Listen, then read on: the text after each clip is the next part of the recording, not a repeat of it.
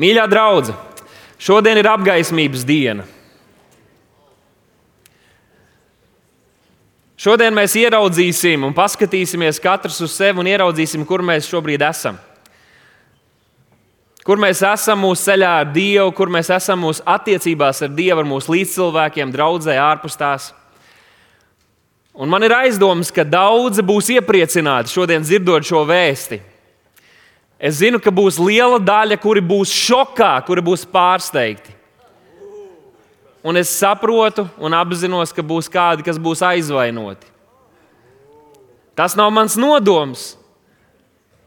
Bet tas ir tas, ko patiesība, kādas emocijas patiesība var izraisīt mūsos. Mēs varam būt iepriecināti, mēs varam būt pārsteigti, mēs varam tikt aizvainoti. Bet es zinu, ka šis vārds ir, ko Dievs runā uz mani, un ka tas ir jādzird arī draudzē. Iesāksim Lūkas evanģēlijas 6. nodaļā, kur Jēzus saka, bet ko tu redzi skabargu sava brāļa acī? Un lasiet kopā ar mani tālāk, bet baļķi sava paša acī to nepamani.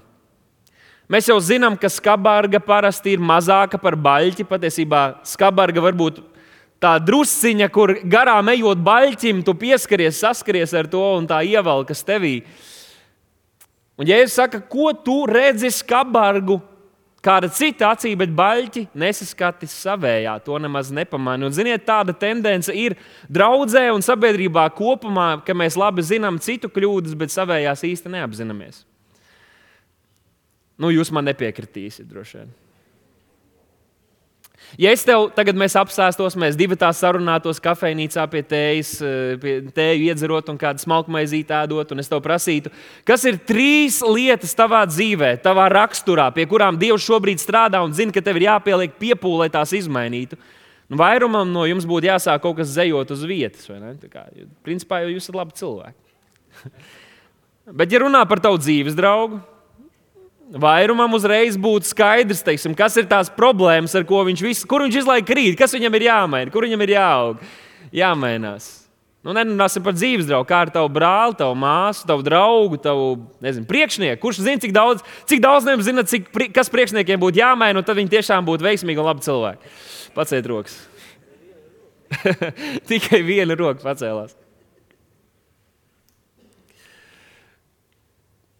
Nu, tā ir. Tā taču ir. Nenolieksim to. Mēs zinām, mēs zinām tās skabargas citiem, kas, kas būtu jāizņem. Bet vai mēs esam tā paskatījušies sevi un padomājuši? Tad viņš turpina 42. pantā, tu liekuli. Nu, šajā kontekstā es saprotu, ka viņš saka, tu, kurš uz citiem attiecina daudz augstāku standartu nekā pats pret sevi, jebkad būtu gatavs pieņemt. Viņš saka, tu izvelc pa priekšu baļķi no palīdziet man no savas acis, un acis ir dvēseles spogulis, tātad no savas dvēseles, no savas personas. Un tad pārdomā, kā izvilkt skabargu no sava brāļa acis. Tādēļ palīdzēt savam brālim, tā, to mēs nevaram darīt ātrsirdīgi. To mēs zinām. Bībelē mums māca, kā to korekti, bibliski būtu rīkoties. Ja tu redzi, ka brālis grēko, ka brālis krīt, tad kā to darīt? Ir bibliski veidi, kā to darīt, un to vajag darīt gudrībā. Un to šeit Jēzus norāda. Bet tad viņš saka, ka, ja tavā dvēselē, tavā acī ir baļķis, saki baļķis. Pasakiet skaļāk, kā tas būtu par jūsu sievu vai, vai jūsu draugu. Tagad. Baļķis! ja baļķis, tad tev ir tā atbildība, tu baļķi izvilkt. Lūk, ko Jēzus pateica. Tas nebūs vienkārši lūkšanas sapulcs, tā nebūs vienkārši svētdiena, kur tu dzirdēsi, un pēkšņi viss baļķis būs ārā no tavas acis, no tavas dvēseles. Bet viņš saka, ja tev ir baļķis, tad tev tas baļķis ir jāizvelk pašam. Jo visdrīzāk, ka tu esi arī vainojams, kamdēļ tas baļķis vispār ir tavā acī. Skabargu var nejauši ievilkt, bet baļķis nu, tur jau tev ir jālīdzdarbojas, lai tas nonāktu vai ne tavā dvēselē. Tad viņš tālāk 44. pantā saka, un klausieties, ik katru koku pazīst no viņa augļiem. Jo no ērkšķiem nevar lasīt vīģes, nedz vīnogas no dažiem. Jēzus saka, ka mēs varam spriest par koku, pat neskatoties uz pašu koku, bet pat veikalā mēs nopērkam augļus, kas nāk no kāda koka. Un pēc šiem augļiem mēs varam spriest kaut ko par koku, pat neredzot to, pat neskaroties ar to. Mēs neesam koki, lai gan mums patīk tā dziesma, mēs koks stādīts upes malā. un tā ir skaista dziesma, un mēs dziedam Bībeles patiesības. Taču, ja, vai tu tiešām esi tas koks, par ko tu dziedi? Uz to varētu nu, norādīt kādiem augļiem, kādām, kādiem simptomiem, ja tā var teikt, tavā dzīvē. Tātad par mums, vai mēs paši par sevi un citi, mēs viens par otru varam spriest par tādām būtiskajām, fundamentālām lietām patiesībā mūsu dzīvēm, vai tās ir, vai tās nav, vai tās darbojas, vai tās nedarbojās. Mēs varam spriest, skatoties uz kādiem simptomiem, kas paši par sevi nav tā lieta, ar kuru mēs lepojamies vai kur mēs vēlamies, bet kas parādās mūsu dzīvē dažādos veidos. Un tāpēc šodien šo svētru nosaucu ļoti interesantā nosaukumā - pašdiagnostika. Pašdiagnostika. Un es padalīšos ar piecām patiesībām, kuras mēs vairumu no visām mēs tām vēlamies. Un pieci simptomi, kas parāda, vai tas tev ir, vai tas tev nav. Un Bībelē mums iedod šos instrumentus, un tāpēc es domāju, ka kādam jums būsiet pārsteigti, jo pagaidām jūs uztvērāt, ka Bībelē viss ir kā garīgi jāuztver. Bet tad to visu Dieva vārds padara pavisam praktisku. Un tāpēc šodien katrs paskatīsimies uz sevi. Pagājušajā gadā, kad eh, elektrības cena strauji pacēlās, jūs droši vien arī pamanījāt. Tad mēs ģimenē sākām domāt, nu, kur mēs kaut ko vairāk daudz nu, dedzinām, lietojam, kā mēs varētu samazināt arī mūsu mājsaimniecības elektrības patēriņu. Un mana sieva, es to pats nebiju pamanījis, bet mana sieva, Estere, viņa bija pamanījusi, ka mūsu leduskapis ir sācis izdevest dīvainas skaņas. Es nebiju tiešām to pamanījis, jo es guļu parasti savā istabā. Es, ne, es neguļu virtuvē pie. Es zinu, ka kādiem no jums ir tāds paradums. Es vienkārši neesmu tāds. Es guļu istabā un leduskapis ir otrā istabā. Bet viņi bija pamanījuši kaut kādas skaņas, un jā, mēs atveram leduskapu vaļā, un tur tā, nu, tā kā aizmugurējā siena ir ar tādu apladojumu, veidojas tur tāds apladojums. Nu, es neesmu nekāds leduskapa eksperts. Es domāju, nu labi, es sākumā meklēju internetā kaut ko, kā tur saprast, ja tur sienas, eh, aizmugurējā siena ir apladojusi un produkts liekas, ir paaugsta, bet varbūt nav paaugsta. Eh, ko, ko ar to visu darīt? Netiku gudrs. Elektrība tiek ēsta, ja nu gadījumā viņš saldē pārlieku daudz, tad eh, mēs vienkārši tērējam elektrību, izmetam ārā naudu. Tas ir jāatrisina. Es zvanu meistaram. Pirmajā reizē es paskatos, kāda cena par atbraukšanu. Viena saka, nē, nē, paši tiksim galā. Bet nu, labi, tas ir jāatrisina. Atbrauc meistars, ienāk mūsu, mūsu nu, virtuvē, mūsu viesistabā. Aiziet pie leduskapa, kaut ko paprasa, atver vēl leduskapu, skatās, skan labi. Paskatās tā sieniņa. Nu, jums ir tāda tipa leduskapis. Vienkārši ik pa laikam, ik pa pusgadam vajag atsaldēt, un to mēs kā darām, bet varbūt ne ar tādu regularitāti. Un nebija tur pilnīgi ledus, bet nu, tā veidojās kaut kas. Un es biju tā vīlies, ja godīgi. Es zināju, ka man tūlīt viņam būs jāsamaksā, ka viņš atbrauc. Es domāju, vismaz kaut ko salabo. Viņš atbrauc un teica, jums leduskapam viss ir kārtībā, bet nu ik pa laikam vajag atsaldēt.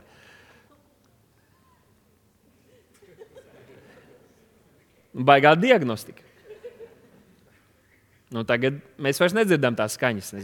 Mūsu mūs, mūs dvēseli mūs dvēsel norim. Bet nu, jūs saprotat, par ko es runāju. Diagnostika ir, kad mēs kaut ko secinām, saprotam. Tu aizved uz tehnisko apskatu savu mašīnu, tur ir kāds meistars, kurš lien tev tur visā lietās, kur tu vispār neiedomājies, ka tu vari skatīties. Viņš tur spīdina lukturīti, un nē, jums tur kaut kas tur tā un tā, un tad tu dabū mīnusiņus.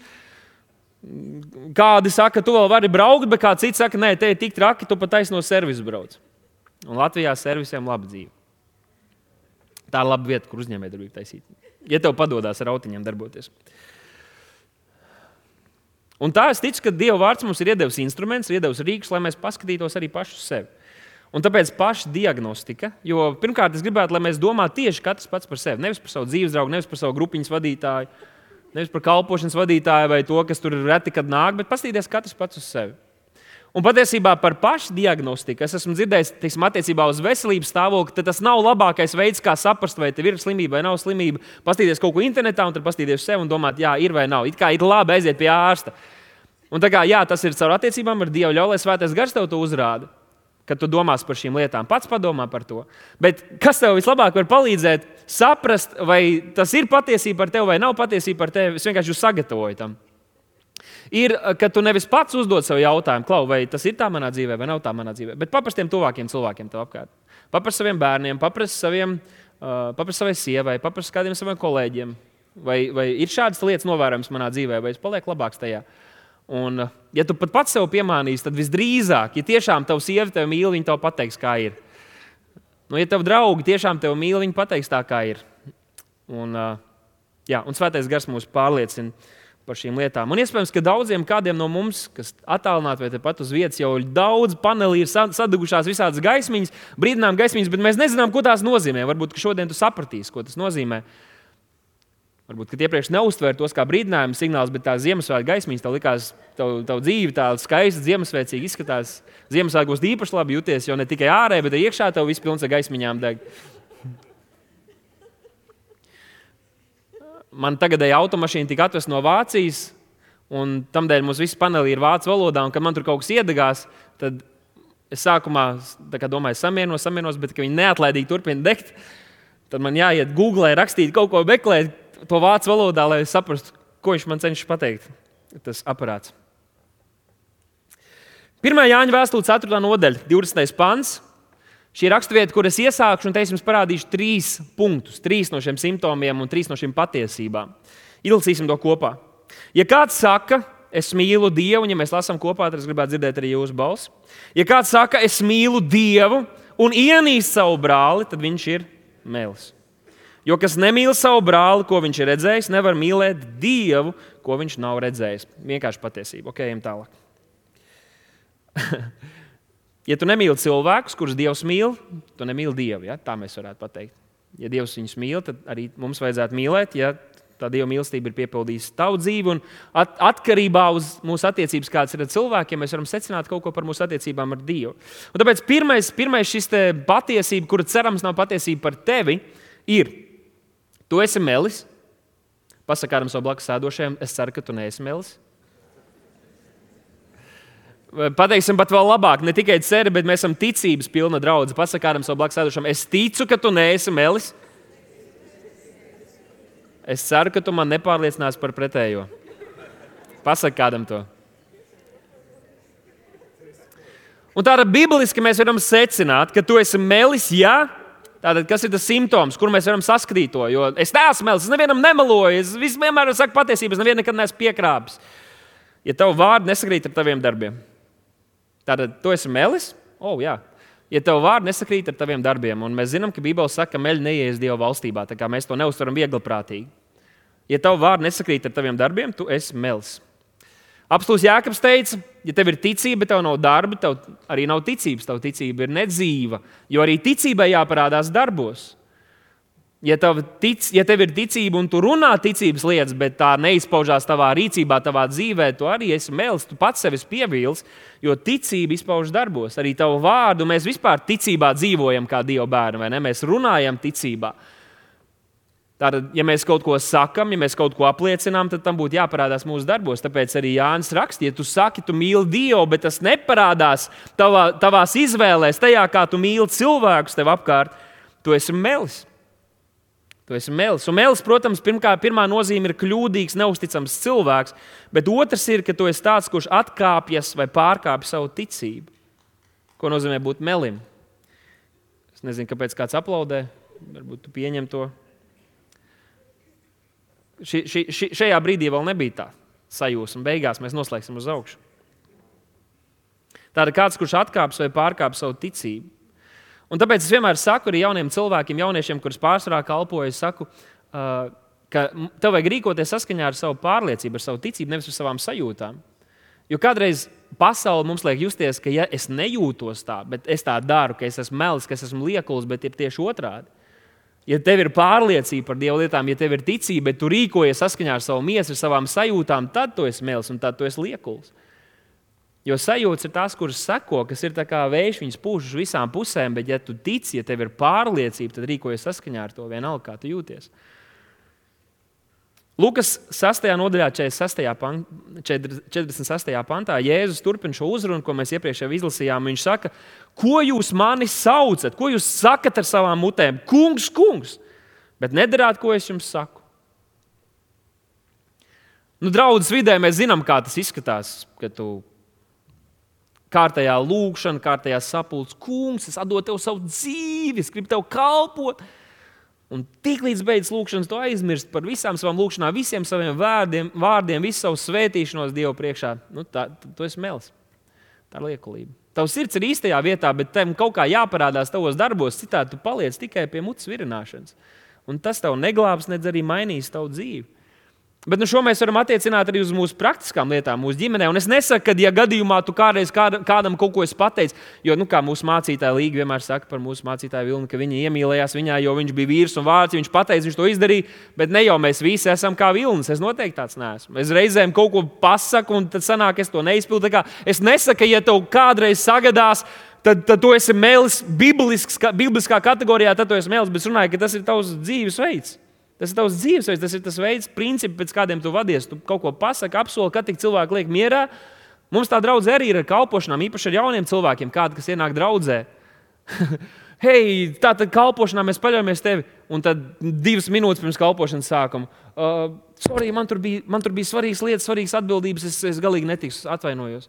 Nu, spriediet paši, ko Bībele par to saka, vai tā mums būs rīkoties šajā laikā. Uh, nu, attiecībā uz ģimeni, uz bērniem. Vecāki bieži kaut ko apsola bērniem, sasola bērniem, pasaka kaut ko, un tad paši aizmirst. Un labi, ja bērni atcerās atgādināt. Bet, ja neatcerās atgādināt, tad tu kļūsti par meli. Un tev bērni jau no paša sākuma saprot, hei, mans tēvs, mans fāčs ir melis. Viņš visu laiku plāta muti, bet neko nav gatavs darīt. Viņš teica, mammai salabos to, to lietu, nav izdarījis. Viņš teica, izmazgās to un to viņš nav izdarījis, vai mamma kaut ko sasolījusi.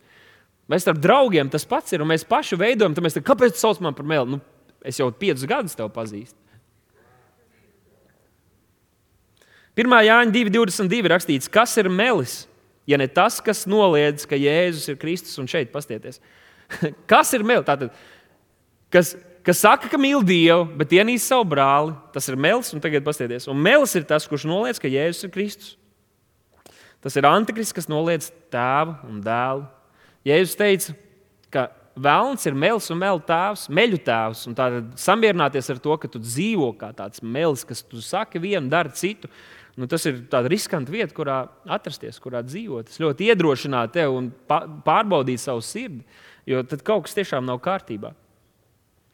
Tātad, pirmkārt, tu esi mēlis, ja tavu vārdu nesakrīt ar taviem darbiem. Tātad, pirmais tāds simptoms, kur mēs varam secināt. Un tev pašam droši vien liekas, ka tu visu izpildi, bet paprasti cilvēkiem sev apkārt.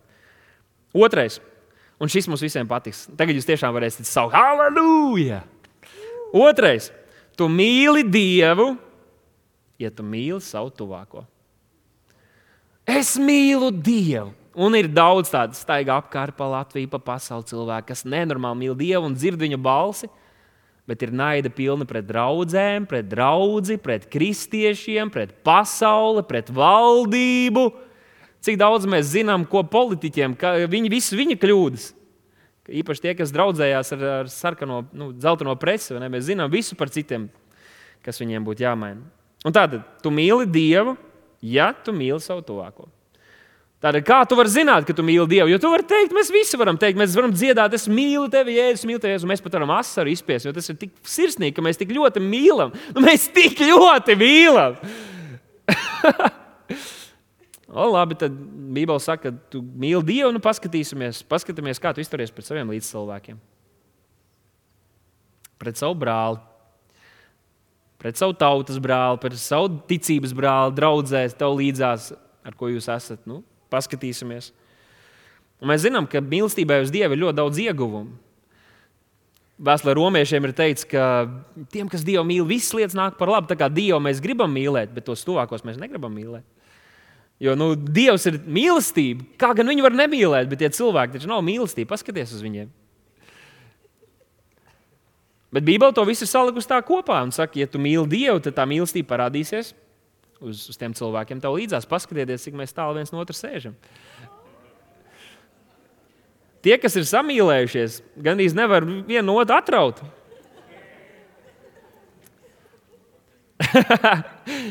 Bet mēs gribam, lai mums var kādu čemodānu, veselu kravu no lidmašīnas, no li, li, lidos atvest un sakraut blakus, un tad mēs, nu, kā, varbūt, varbūt, varbūt ir pietiekami tālu.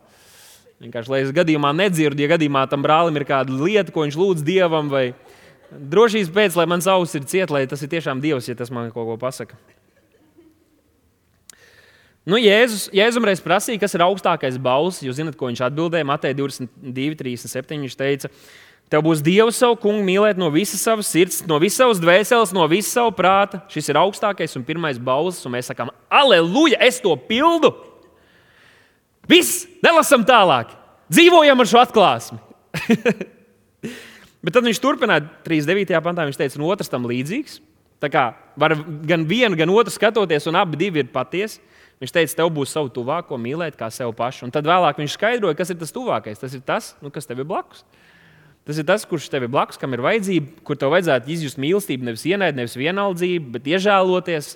Kā tas samarietis bija tie svarīgie cilvēki, kas pagāja garām ievainotajiem, bet samarietis pamanīja, viņš iežēlojās.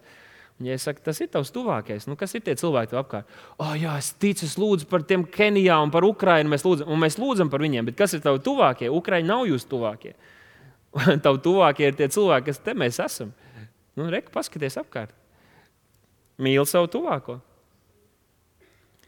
Kad Jēzus runāja ar Pēteru, un Jēzus prasīja Pēterim, nu, pavisam skaidri skatījās viņam acīs, prasīja, vai tu mīli mani? Viņš trīs reizes prasīja, un katru reizi, kad viņš atbildēja, jā, tad Jēzus viņam ko teica? Tad ir labi, tad mēs varam draudzēties. Iesim, būsim labākie draugi, jo es arī tevi mīlu. Nē, nē, nē, viņš teica, kaut kā mīli mani. Es mīlu tevi. Nu, tad parūpējies par manām avīm. Parūpējies par kādu tuvāko savu. Parūpējies par tiem, kas arī man seko, kam ir vajadzīgs kāds tāds, kā tu esi. Kāpēc mēs draudzē runājam par māceklību? Kāpēc māceklība ir svarīga? Kāpēc mazās grupas ir svarīgas? Jo tā ir vide, tā ir iespēja, kur mēs varam praktizēt šos jēzus vārdus. Nu, mēs jau varam teikt, ka es mīlu Dievu, es mīlu savu tuvāko, bet ja mēs neaizējām līdz praktiskai rīcībai, ko tas nozīmē, kā tas izskatās? Šodien es neatbildēšu jums uz šiem visiem jautājumiem, par to jāpadomā pašiem. Un tomēr, ja mēs nu, tas vismaz neinteresē, tad tās varbūt ir tās signāla lampiņas, kas liecina, ka arī mūsu attiecībām ar Dievu kaut kas nav kārtībā. Jozovā runāja uz Izraēlu tautu, Jozovā 23. Tur viņš tā interesanti teica, viņš teica, Tāpēc nopietni pas, uh, piesargiet savas dvēseles, piesargiet savas dvēseles, ka jūs mīlat to kungu, savu dievu, jo, Jozovā 23.11. Nopietni piesargiet, pasargiet, pārskatiet savas dvēseles, ka jūs mīlat savu, to, savu dievu, to kungu. Viņš saka, jo ja jūs paši no dieva atkritīsiet, tad pār jums nāks, kā, nāks nesvētība, nāks lāsti pārskata savu dvēseli, vai tiešām mīli to kungu. Bet šodien es runāju par simptomu, ka, ja tu, ja tu, ja tu nemīli savu tuvāko, tad iespējams, ka tu nemīli Dievu un tu pats sevi pievīlis. Romiešiem 13,8 ir teikts, nepalieciet nevienam neko parādā, tāpēc mēs, kristieši, cenšamies dzīvot, nu, neaizņemoties no citiem cilvēkiem, ne mantas, ne lietas, ne naudu.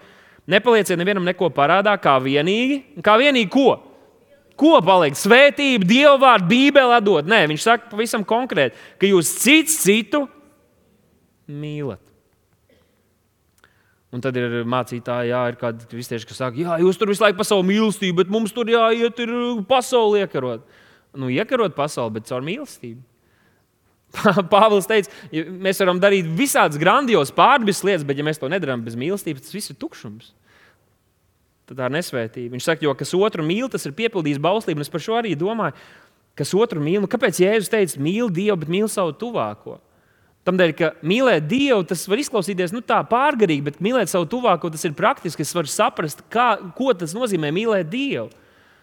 Un tagad Pāvils saka romiešiem, jo tā jūs piepildāt bauslību. Nu, kas ir bauslība? Tās ir tās pavēles, ko mācītājs teica. Ja tu mīli Dievu, tad turēsi viņa pavēles. Tātad visas Dieva pavēles vecajā, jaunajā darbā, Dieva desmit baušļi, Dieva pavēles uh, attiecībā uz mums, tas viss piepildās, ka mēs dzīvojam mīlestībā, mīlestībā uz savu tuvāko. Draudzē vispirms un arī pēc tam ārpus tās.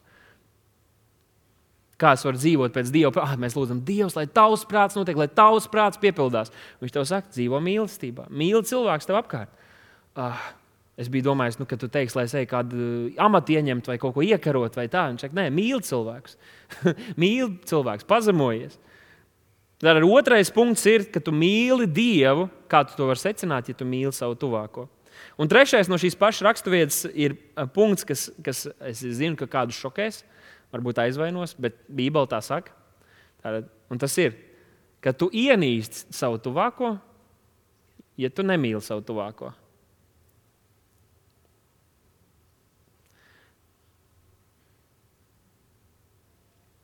Neviens vēl nemet neko. Nekliedz.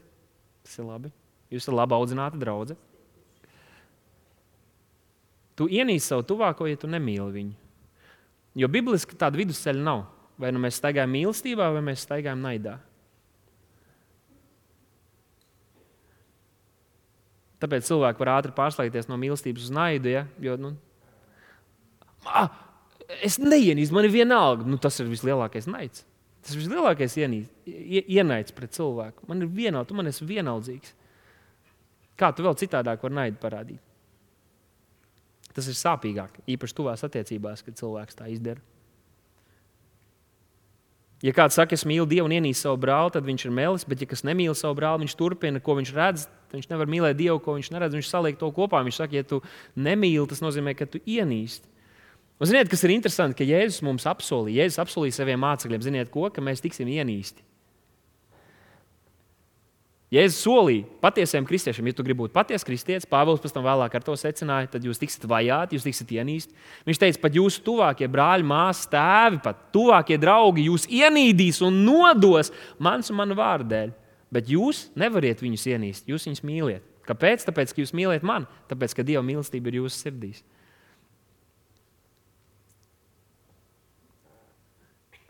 Tiešām mīlēt ienaidniekus, jā. Bībeli saka, Jēzus teica, mīliet savus ienaidniekus un lūdziet Dievu par viņiem, ka jūs topat jūs debesu tēva bērni. Wow! Nu, ja tev ir iebjās kādi politiķi, lūdz Dievu par viņiem un mīli viņus. Ko lūgt Dievu, lai viņiem viss izdodas, arī par to, lai kaut kādā brīnumainā veidā viņi var pieņemt kādu arī sakarīgu lēmumu. Bet tad tu lūdz par viņu dvēselēm, jo Dievs grib viņus glābt. Dievam arī arī viņi ir viņa bērni, viņš grib viņus glābt un viņus pestīt, lai viņi arī sastopās šo Dieva mīlestību. Kā lūgt par saviem ienaidniekiem? Pirmkārt, par viņu dvēselēm, par viņu glābšanu. Un, kad tu ieraudzīsi viņu pazudušo stāvokli, tev nebūs grūti par viņiem lūgt, jo tā, Dieva sirds, kas ir arī savienota ar tavu sirds, iežēlosies par cilvēkiem. Un ko nozīmē ienīst savu brāli? To mēs pirmkārt uzreiz saprotam manu fizisko brāli. Un es atceros, ka man bērnībā bija reizes, kad mēs ar brāli bijām mazliet. Nu, nezinu, sastrīdējušies, bija tāda vārdu pārmaiņa. Un kaut kā man vienmēr Bībelē atvērās tās raksturvietas, kur jēzus runā tieši par šīm lietām. Zin, kā tu lasi, ja tu saki savam brālim, ģeķis vai bezdievs, tu tur sodāms ellē, un es tur pilnīgi asarās. Man pats, un mēs šitā izgāzāmies, un tagad pasties, es eju uz elti. Es neatceros, vai es gāju vai negāju atvainoties, bet katrā ziņā man iekšēji bija tāda trīcēšana par to. Un, ziniet, tas ir pareizi. Arī tā mums vajadzētu domāt. Bet šis vārds brālis var attiekties arī uz mūsu vienkārši tautieti, kādu nu, Latvijā, jeb kādu cilvēku virs zemes. Tas var attiekties, nu, tas tiek lietots Bībelē arī runājot par apstuliskām kalpošanām, par, par kalpošanas dāvanām, kur arī te pats var būt ienaids vai vienaldzība vai kristiešu brāļu, māsu. Un šodien es, protams, to uzsvaru vairāk gribu likt uz, uz draugu attiecībām. Uh, bet, bet Bībelē jau saka, ka mēs mīlam tuvāko, un tie nav tikai kristieši, tie ir cilvēki mums apkārt, bet tā pieeja ir drusku atšķirīga. Ko tad nozīmē ienīst brāli? Par mīlestību man nav jārunā, to mēs visi labi apzināmies, saprotam, bet ko nozīmē ienīst brāli? Un es jums gribu parādīt vienu lietu, ko, kas iespējams arī kādiem no jums būs jaunums. Šis vārds miseo, tas var nozīmēt ienīst, nonicināt, Tāpēc Pāvils saka, pa draudzē, kalpotājiem, viņš saka, lai neviens tev nenicina tavu jaunumu dēļ, ka tas bija draudzē, draudzē cilvēki. Viņi nu, gribēja nonicināt, nepieņemt, pazemināt viņa dāvanu, viņam bija spiediens uz sevi. Un es zinu, ka es arī esmu ar to cīnījies. Droši vien pašam galvā kaut kādas problēmas, vēlna, kaut kāda mela un tā. Uh, vēl viens uh, veido, veids, kā to skaidrot, būtu vajāt, vajāšanas. Mēs vajājam viens otru, bet šis ir tāds atslēga, man liekas, šīs raksturvietas saprašanā. Tad ienīst nozīmē mīlēt mazāk. Mīlēt mazāk. Ienīst nozīmē mīlēt mazāk, un te mēs reiz saprotam, kāpēc, ja tu savu brāli, ja tu nemīli savu brāli, tu viņu ienīst. Tāpēc, ka, ja tu viņu uh, nemīli, tu viņu mīli mazāk, un mīlēt mazāk nozīmē ienīst. Ok, paskatīsimies. Jēzus teica, kas neienīst savu tēvu, brāli, māsu, mēs zinām, ka Jēzus, tas nevar būt mans māceklis. Mēs zinām, ka Jēzus neteica ienīst savus vecākus, jo Bībele saka, godā savu tēvu un māti. Pareizi? Palīdziet man. Un tātad Jēzus neteica, ka mums burtiski ir jāienīst viņu, bet viņš teica, tātad, ja kāds nemīl mazāk Tātad tu mīli Kristu, tu viņam seko, bet ja tu nemīli citus mazāk par to, kā tu mīli Dievu, tad tu nevari būt mans māceklis. Tu vēl aizvien vari mīlēt savus vecākus, savus bērnus, savus draugus, bet ja viņus tu nemīli mazāk, kā tu mīli Dievu, tad tu nevari būt mans māceklis, Jēzus teica. Nu, vēl viens Jēzus teica, ka tas, kurš neienīs savu dzīvību, to pazaudēs. Vai mums ir jāienīst savu dzīvību, savu dzīvi? Nē, Mēs zinām, ka nē, jo Bībele saka, ka mēs varam citus mīlēt tikai tā, kā mēs mīlam sevi. Tā kā mums ir jāmīl sevi un savu dzīvi, jābūt pateicīgiem par to. Kā tu vari būt pateicīgs par savu dzīvību, ja tu ienīsti savu dzīvību? Kāpēc mēs tā esam? Tas ir budisms, ja? šīs ideoloģijas, kur cen, tev, tev katra, katra tava dzīve saucamā ir, ir ciešana, centies izkļūt ārā no šī riņķa, lai tu nepiedzimst atkal. Viņi tur par vārdu, par prusaku vai ko viņi tur tic. Un tātad mīlēt mazāk Tad kā saprast šo raksturvietu? Es jautāju jums, 1. Jānis 3.15. Katrs, kas savu brāli ienīst, ir slepkava. Un jūs zināt, ka neviens slepkava nepatur sevi mūžīgo dzīvību. Ko nozīmē ienīst? Katrs, kurš savu brāli, savu tuvāko, savu ticības brāli, māsu, savu grupiņas vadītāju, cilvēks, kas ir draudzē ārpus tās, ja tu mīli viņus mazāk, par ko mazāk?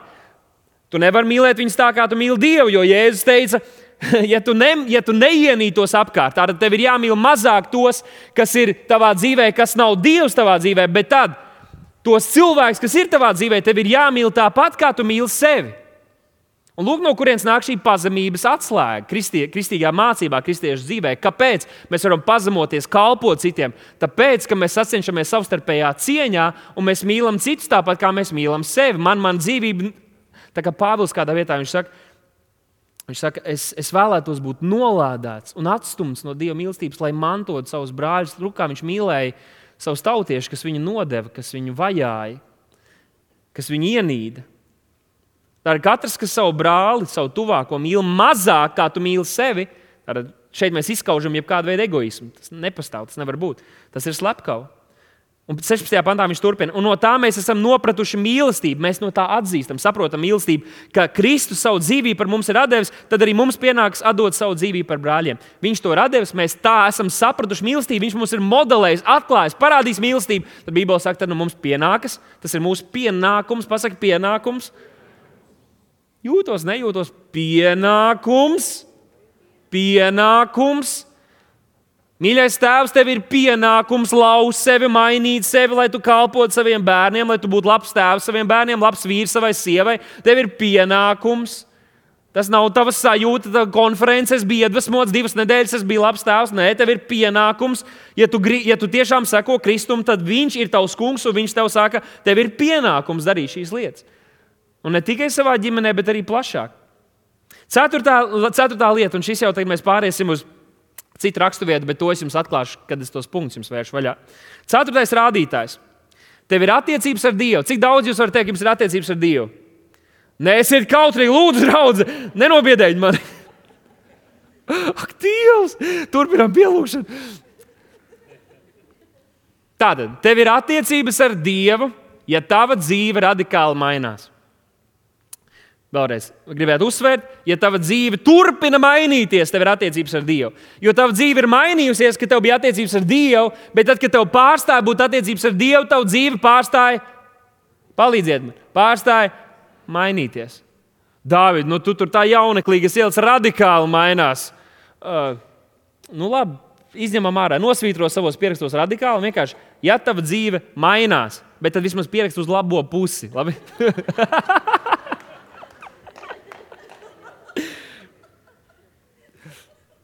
Neviens, kurš satikās ar Jēzu, nevarēja palikt vienaldzīgs. Pareizi? Kad, kad, kad, kad Jēzus aicināja savus mācekļus, un viņi atstāja visu, lai sekot viņiem, viņi piedzīvoja uzreiz tūlītēs radikāls pārmaiņas. Pareizi? Tāpēc es no vienas puses es esmu pret to, ka tu tā viegli izturies pret cilvēku, un tad viņš gadu draudzē ir, viņš zina, ka viņš ir labs, svētīts, tā tālāk, un tad viņam saka, bet zini, ko tas maksās visu tavu dzīvi. Viņš saka, opus, es noķers lamatās, es gadu domāju, ka es varēšu vienkārši būt svētīts. Es nedomāju, ka tas ir tas veids, kā Kristus aicināja savus mācekļus. Viņš teica uzreiz viņiem, atstājiet visu, ņemiet savu krustu un sekojiet man. Viņš aicināja savus mācekļus, viņa dzīve radikāli mainījās, bet arī pēc tam procesā, mācības procesā, viņi visu laiku mainījās. Un bija brīži, kad viņi jau saitās, mēs jau tagad esam rītīgie džeki. Mēs gājām tur, uh, notika zīmes un brīnumi. Varbūt jūs esat piedzīvojuši zīmes un brīnumus, reiz tā Es esmu top kristietis. Kāpēc man nerāda kristīgā televīzijā? Es lūdzu par kaimiņu, viņš piedzīvoja brīnumu. Tas varbūt nenotika tevis dēļ, bet tā kaimiņa dēļ. Uhu. Dievs jau dara brīnums to cilvēku dēļ, ne kalpotāju dēļ. Ne tāpēc, lai tevi kaut kā pagodinātu. Tu vispār e- esi instruments.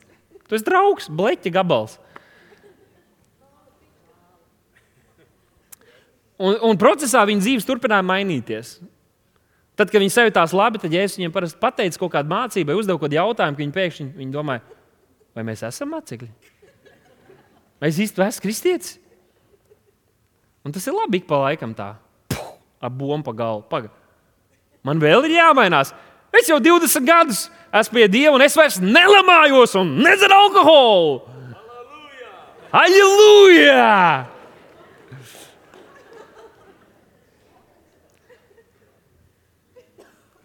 Bet tad atnāk jēzus, viņš te uzdod tādu jautājumu, tu tā domā, kā tu to zināji par mani?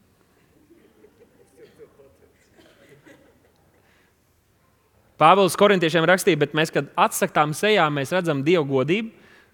Tad kā spogulī mēs skatāmies uz viņu kā spogulī, un mēs ieraugam sevi citādāk, mēs tiekam pārvērsti viņa līdzjūtībā. Šīs pārvērtības, tas ir normāla lieta. Tām pārvērtībām jāturpina notikt. Pasakā kādam savam blakus sēdošiem, jāturpina notikt. Draugi, ja mēs pārstājam mainīties, mums vairs nav attiecības ar Dievu. Es zinu, ka kādiem online tas ir jādzird. Uz labo pusi mainīties. Pierakstiet. 1. Jāņa 1.6. rakstīts, ja mēs sakām, ka mums ir sadraudzība ar viņu, un atkal mēs sakām, un kristiešu vidē mēs daudz varam teikt, mēs sakām, es mīlu Dievu, man ir attiecības ar Dievu, Dievs man pats visu pasaka, man nevajag kalpotājs, man nevajag draugi. Mēs sakām, ka mums ir sadraudzība ar viņu, Kristu Jēzu, bet dzīvojam kur? Tumsībā, tad mēs melojam un padarām un nedarām patiesību. Atkal šis vārds meli, melis. Atkal šis pats. Tātad tev ir attiecības ar Dievu, ja tava dzīve radikāli mainās.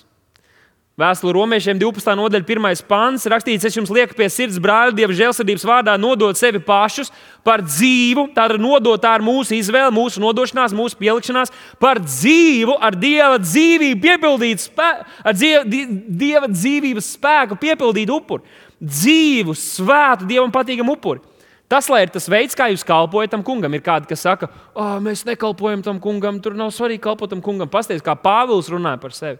Viņš saka, es esmu Jēzus Kristus gūsteknis, un viņa gribu es gribu piepildīt. Kam tad, kas tad ir tavs kungs, ja, tav, ja tu nekalpo nevienam? 12. pants, uh, 2. pants. Un netopiet šajā pasaulē līdzīgi, bet pārvērtieties, atjaunodamies. Tā ir mūsu izvēle. Mums ir jādarbojas un jāmainas, un tas noteikti ar attiecībām ar Dievu. Ja tev ir attiecības ar Dievu, tu piedzīvosi pārmaiņas savā dzīvēm Un tu netapsi līdzīgāk šajā pasaulē, bet tu, tu tapsi līdzīgāks Kristum. Atcerieties, kā spogulī mēs redzam. Ja mums pārtrūks kontakts ar mūsu debesu tēvu, mums stiprinās kontakts ar pasauli, kā rezultātā mēs kļūstam līdzīgāki pasaulē. Un to mēs darām viegli. Tur nav jāpieliek piepūle, tur nav jāpieliek nodošanās, jo pasaule tev ievilks atpakaļ. Tāpēc Pāvils saka, nododieties Dievam un sevi kā upuri, jo mums ir jāskatās uz Kristu un jāveido attiecības ar viņu, un tas prasa piepūli un nodošanos. Bet, kad mēs to darīsim, tad apsolījums tam ir, ka, mum, ka mēs paši un mūsu dzīves radikāli mainīsies. Amen? Mērķiecīga metamorfoze. Mums no šiem, kāds bija tas vārds, kūniņa, ja? No tās ir jākļūst par taureni. No kāpura? Labi, lai notiek. Un piektais, un iespējams svarīgākais punkts kādiem no jums šeit ir. Tātad, ja tev ir attiecības ar Dievu, tava dzīve radikāli mainās. Mēs redzam, ka manā, mana dzīve mainās, nozīmē, ka man ir attiecības ar Dievu. Es nepieviļu sevi. Bet tava dzīve mainās, kā tu vari zināt, ka tava dzīve mainās? Ja tavi draugi mainās vai nomainās, 1. Jāņa 1,7. Bet ja mēs dzīvojam gaismā, kā viņš ir gaismā. Okay, tātad viņš dažus pāns iepriekš saka, ka Kristus ir gaisma.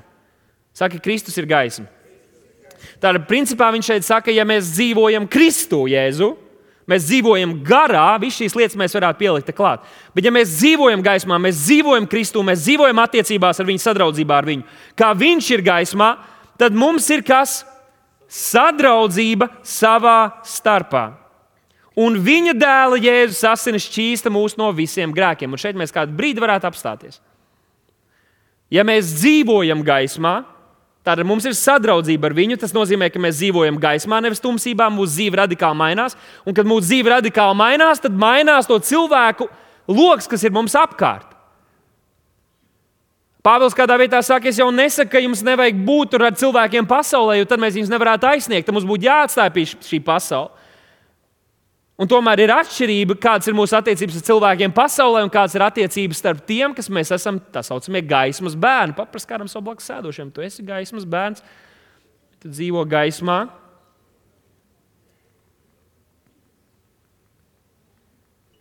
Es reiz redzēju video, kur uh, bija attēlots kaut kāda suņu patversme. Un tur bija interesanti, ka tie suņi, lieli, daudz, daudz, daudz, daudz suņu, viņi iedalījās divās dažādās grupās. Viena suņu grupa bija kuriem nepatika ūdens, varbūt esat redzējuši. Un otra suņu grupa bija, kuri ļoti, kuriem ļoti patika ūdens. Un tur bija tā tāds mazs baseiniņš, un tad bija atnācis kāds cilvēks, nu, kāds apkopējs, kurš tagad ar to ūdeni tur pašķikstījās vienā pusē. Un tad tur tā interesantā kamera parādās uz to vienu pusi, un tur tie suņi pat ūdeni. Ah, uh, ah, visi tik priecīgi! Tur ah, lēkā, lēkā, lēkā. Es kā barots steļš, bet tas ir bibliski. Es tikko atdarināju suni, tas viss ir kārtībā. Un tad tā kamera tā pāriet uz otru pusi, un tur visi suņi tādi. Visi tā kā viņam riebjās, un nespēja saprast, ko tie dīvaini tur dara. Tu nezini, ka mēs esam suņi, mēs nedzīvojam ūdenī. Es domāju, ka tas jau principā parāda draugu, kristiešu, pasaules cilvēku. Mēs jau nu tā, Pēc būtības visi esam suņi, ja? mēs visi esam cilvēki, mēs visi esam līdzīgi. Nu, pēc, Dievs mūs radīja pēc savas līdzības un tēla, mēs visi esam cilvēki, bet tomēr kaut kas radikāli atšķirās mūsos. Mēs esam tie jocīgie, kas tur lēkā Dieva klātbūtnē, meklē viņa klātbūtni un bauda viņa sadraudzību. Viņiem ir svē, svētums, viņiem ir svarīgs un, un mīlestība vienam uz otru. Mēs te visi peldamies un laistam viens otram virsū ūdeni. Un tev tur vēl sauss ir un no apmazgājuma viss notiek. Un tad ir pasaule, tad setanti. Tad savs, sausām mutēm tādu gribētu padzerties, bet nevar, jo tie kristieši.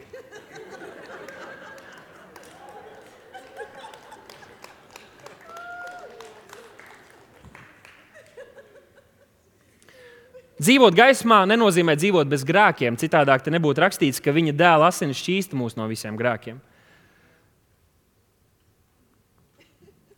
Neviens no mums īsti pilnīgi to dzīvi nedzīvo, un tomēr ir kaut kas īpašs tajā, ka mēs iznākam gaismā, un mēs ieraugam arī citus, kur arī ir iznākuši gaismā, kuri nesēž tumsā, neslēpjas no savas, jo negrib, lai viņu ļaunie darbi nāktu gaismā.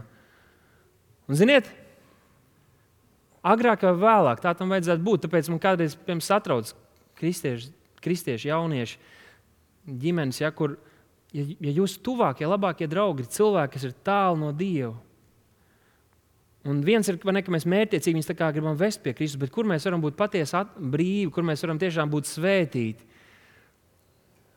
Tam vajadzētu būt, kad savienojas tie, kas ir iznākuši gaismā.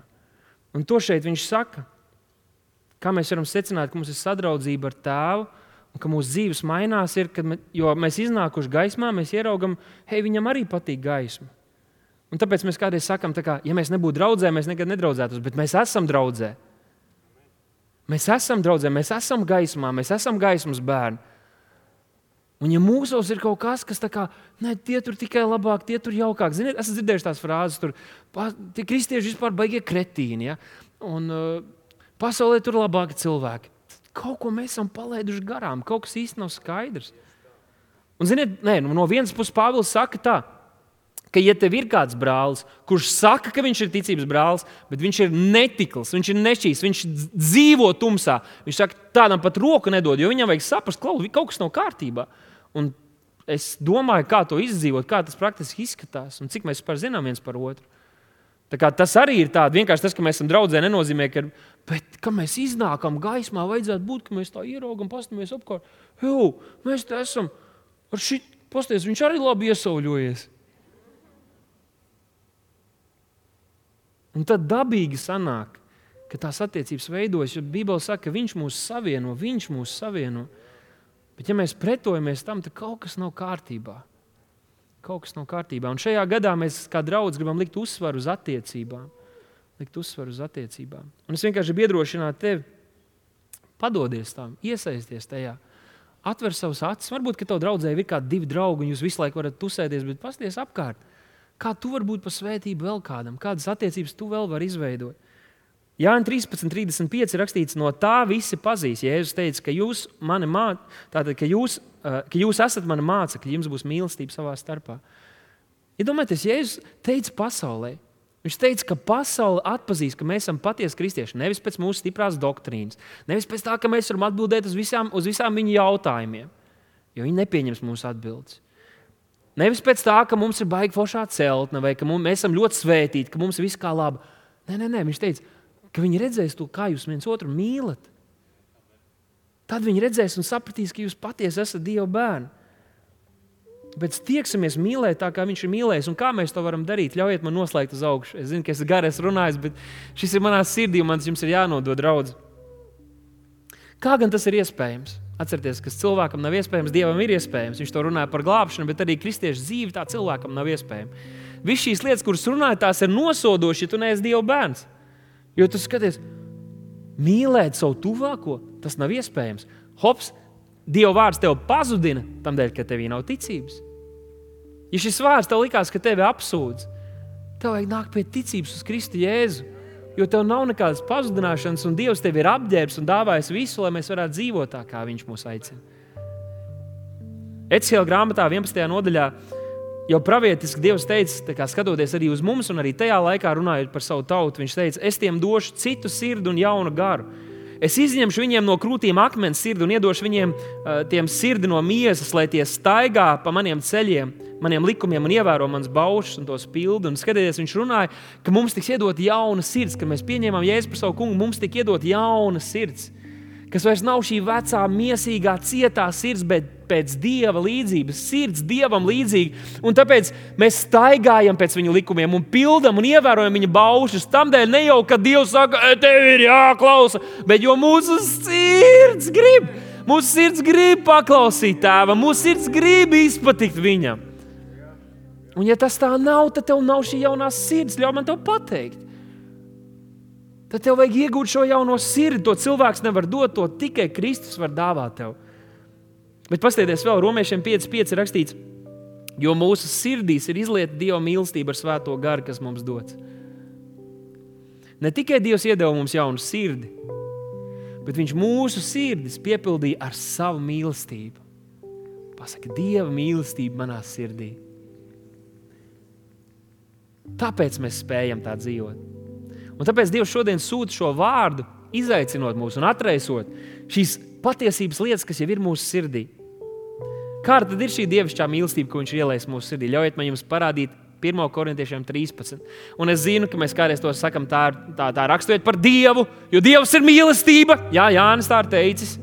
Un tā ir. Dievs ir tāds, bet tas nav viss par to, kāds Dievs ir. Mums ir jāsaprot, kā visas šīs lietas, ko tas nozīmē, kā tas izskatās. Tā, tā ir patiesība. Bet skatieties, ja tev ir dota jauna sirds, un sird, tavā sirdī Dievs ir ielējis dieva mīlestību, tad šī dievišķā sirds ir tava sirds. Šī dievišķā sirds ir tava sirds.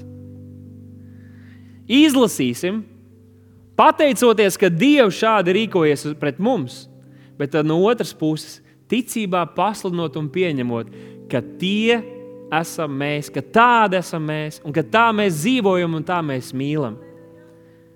Mīlestība ir lēnprātīga, un tas nozīmē, ka viņa ir toleranta vai izturīga izaicinošos laikos, vai arī pret izaicinošiem cilvēkiem. Viņa ir pacietība.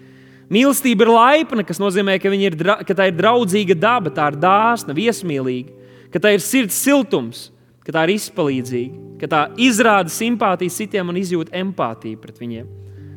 Varbūt tas ir tavējais. Mīlestība neskauž.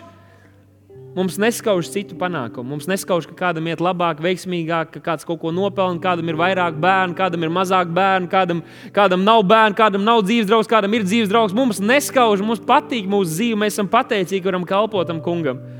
Mēs neesam greizsirdīgi, mēs nelaupam to, kas ir citiem, nelaupam arī citiem godu. Mīlestība nelielās, tā nav lepna, tā nav lielīga. Tā nav uzpūtīga, tā nav augstprātīga. Mēs neesam augstprātīgi. Mēs lepojamies ar Kristu Jēzu. Tā neizturas piedaudzīgi, tā nemeklē, kur piesieties. Un mēs pazīstam tādus cilvēkus. Mēs paši tādi esam bijuši. Un brīžiem mēs tādi esam. Mums jāatgādina sev, hei, dievišķā mīlestība, kas ir manī, nav piedauzīga. Mēs izturamies pieklājīgi. Mēs izturamies ar manierēm arī pret cilvēkiem, saglabājam cieņu. Mēs nepadodamies šīs pasaules spiedienam, kur arī daudz kristieši ir padevušies un kļuvuši tādi paši suņi, gan arī kāda, kāda šī pasaule ir. Tā nemeklē savu labumu, tā nepieprasa vienmēr savu ceļu. Viņa grib kalpot un grib, lai citiem arī ir labi. Tā neskaistas, tā nav viegli aizskaitināma. Tā nav viegli, tā, to viegli nevar sadusmot vai aizvainot. Tā nepiemiņ ļaunu. tā nepārdomā saturu, kurā ir ciešanas, kurā ir grūtības, nelaimes. Tā nav, ka viņš domā ļaunas domas vai ļaunu par citiem, vai atcerās ļaunu. Tā nepriecājas par netaisnību, bet priecājas par patiesību. Mēs priecājamies, kad godīgums, kad krietnums, kad labums gūst virsroku. Vienalga, kādā vietā, kādā situācijā vai kurš tas ir, kad patiesība nāk gaismā, mēs priecājamies par to. Ja pat mēs pieķērāmies kādam, kurš mums likās, ka ir patiesais, bet izrādās, ka viņš ir melis. Tā apklāja visu. Šeit tagad uzsvers, te mēs vairāk par draugu gribētu, lai mēs ieskatāmies un ticībā to pasludinām. Tā apklāja visu. Tā dara mūs spējīgus, panest stresu un grūtību grūtības, un Dieva mīlestība mūs apklāja un aizstāv mūs no jebkāda apdraudējuma. Tā tic par labāko citos. Tā tic par labāko citos. Pieņem to savai ģimenei, pieņem to savā draudzē. Kā būtu, ja mēs no jauna nolemtu, ka, hei, es ticu draudzē, es ticu tam darbam, ko Dievs dara draudzē. Es ticu mūsu mācītājiem. Tev nav jāuzticās akli, pārbaudi visu, ko mēs sludinām. Bet tici.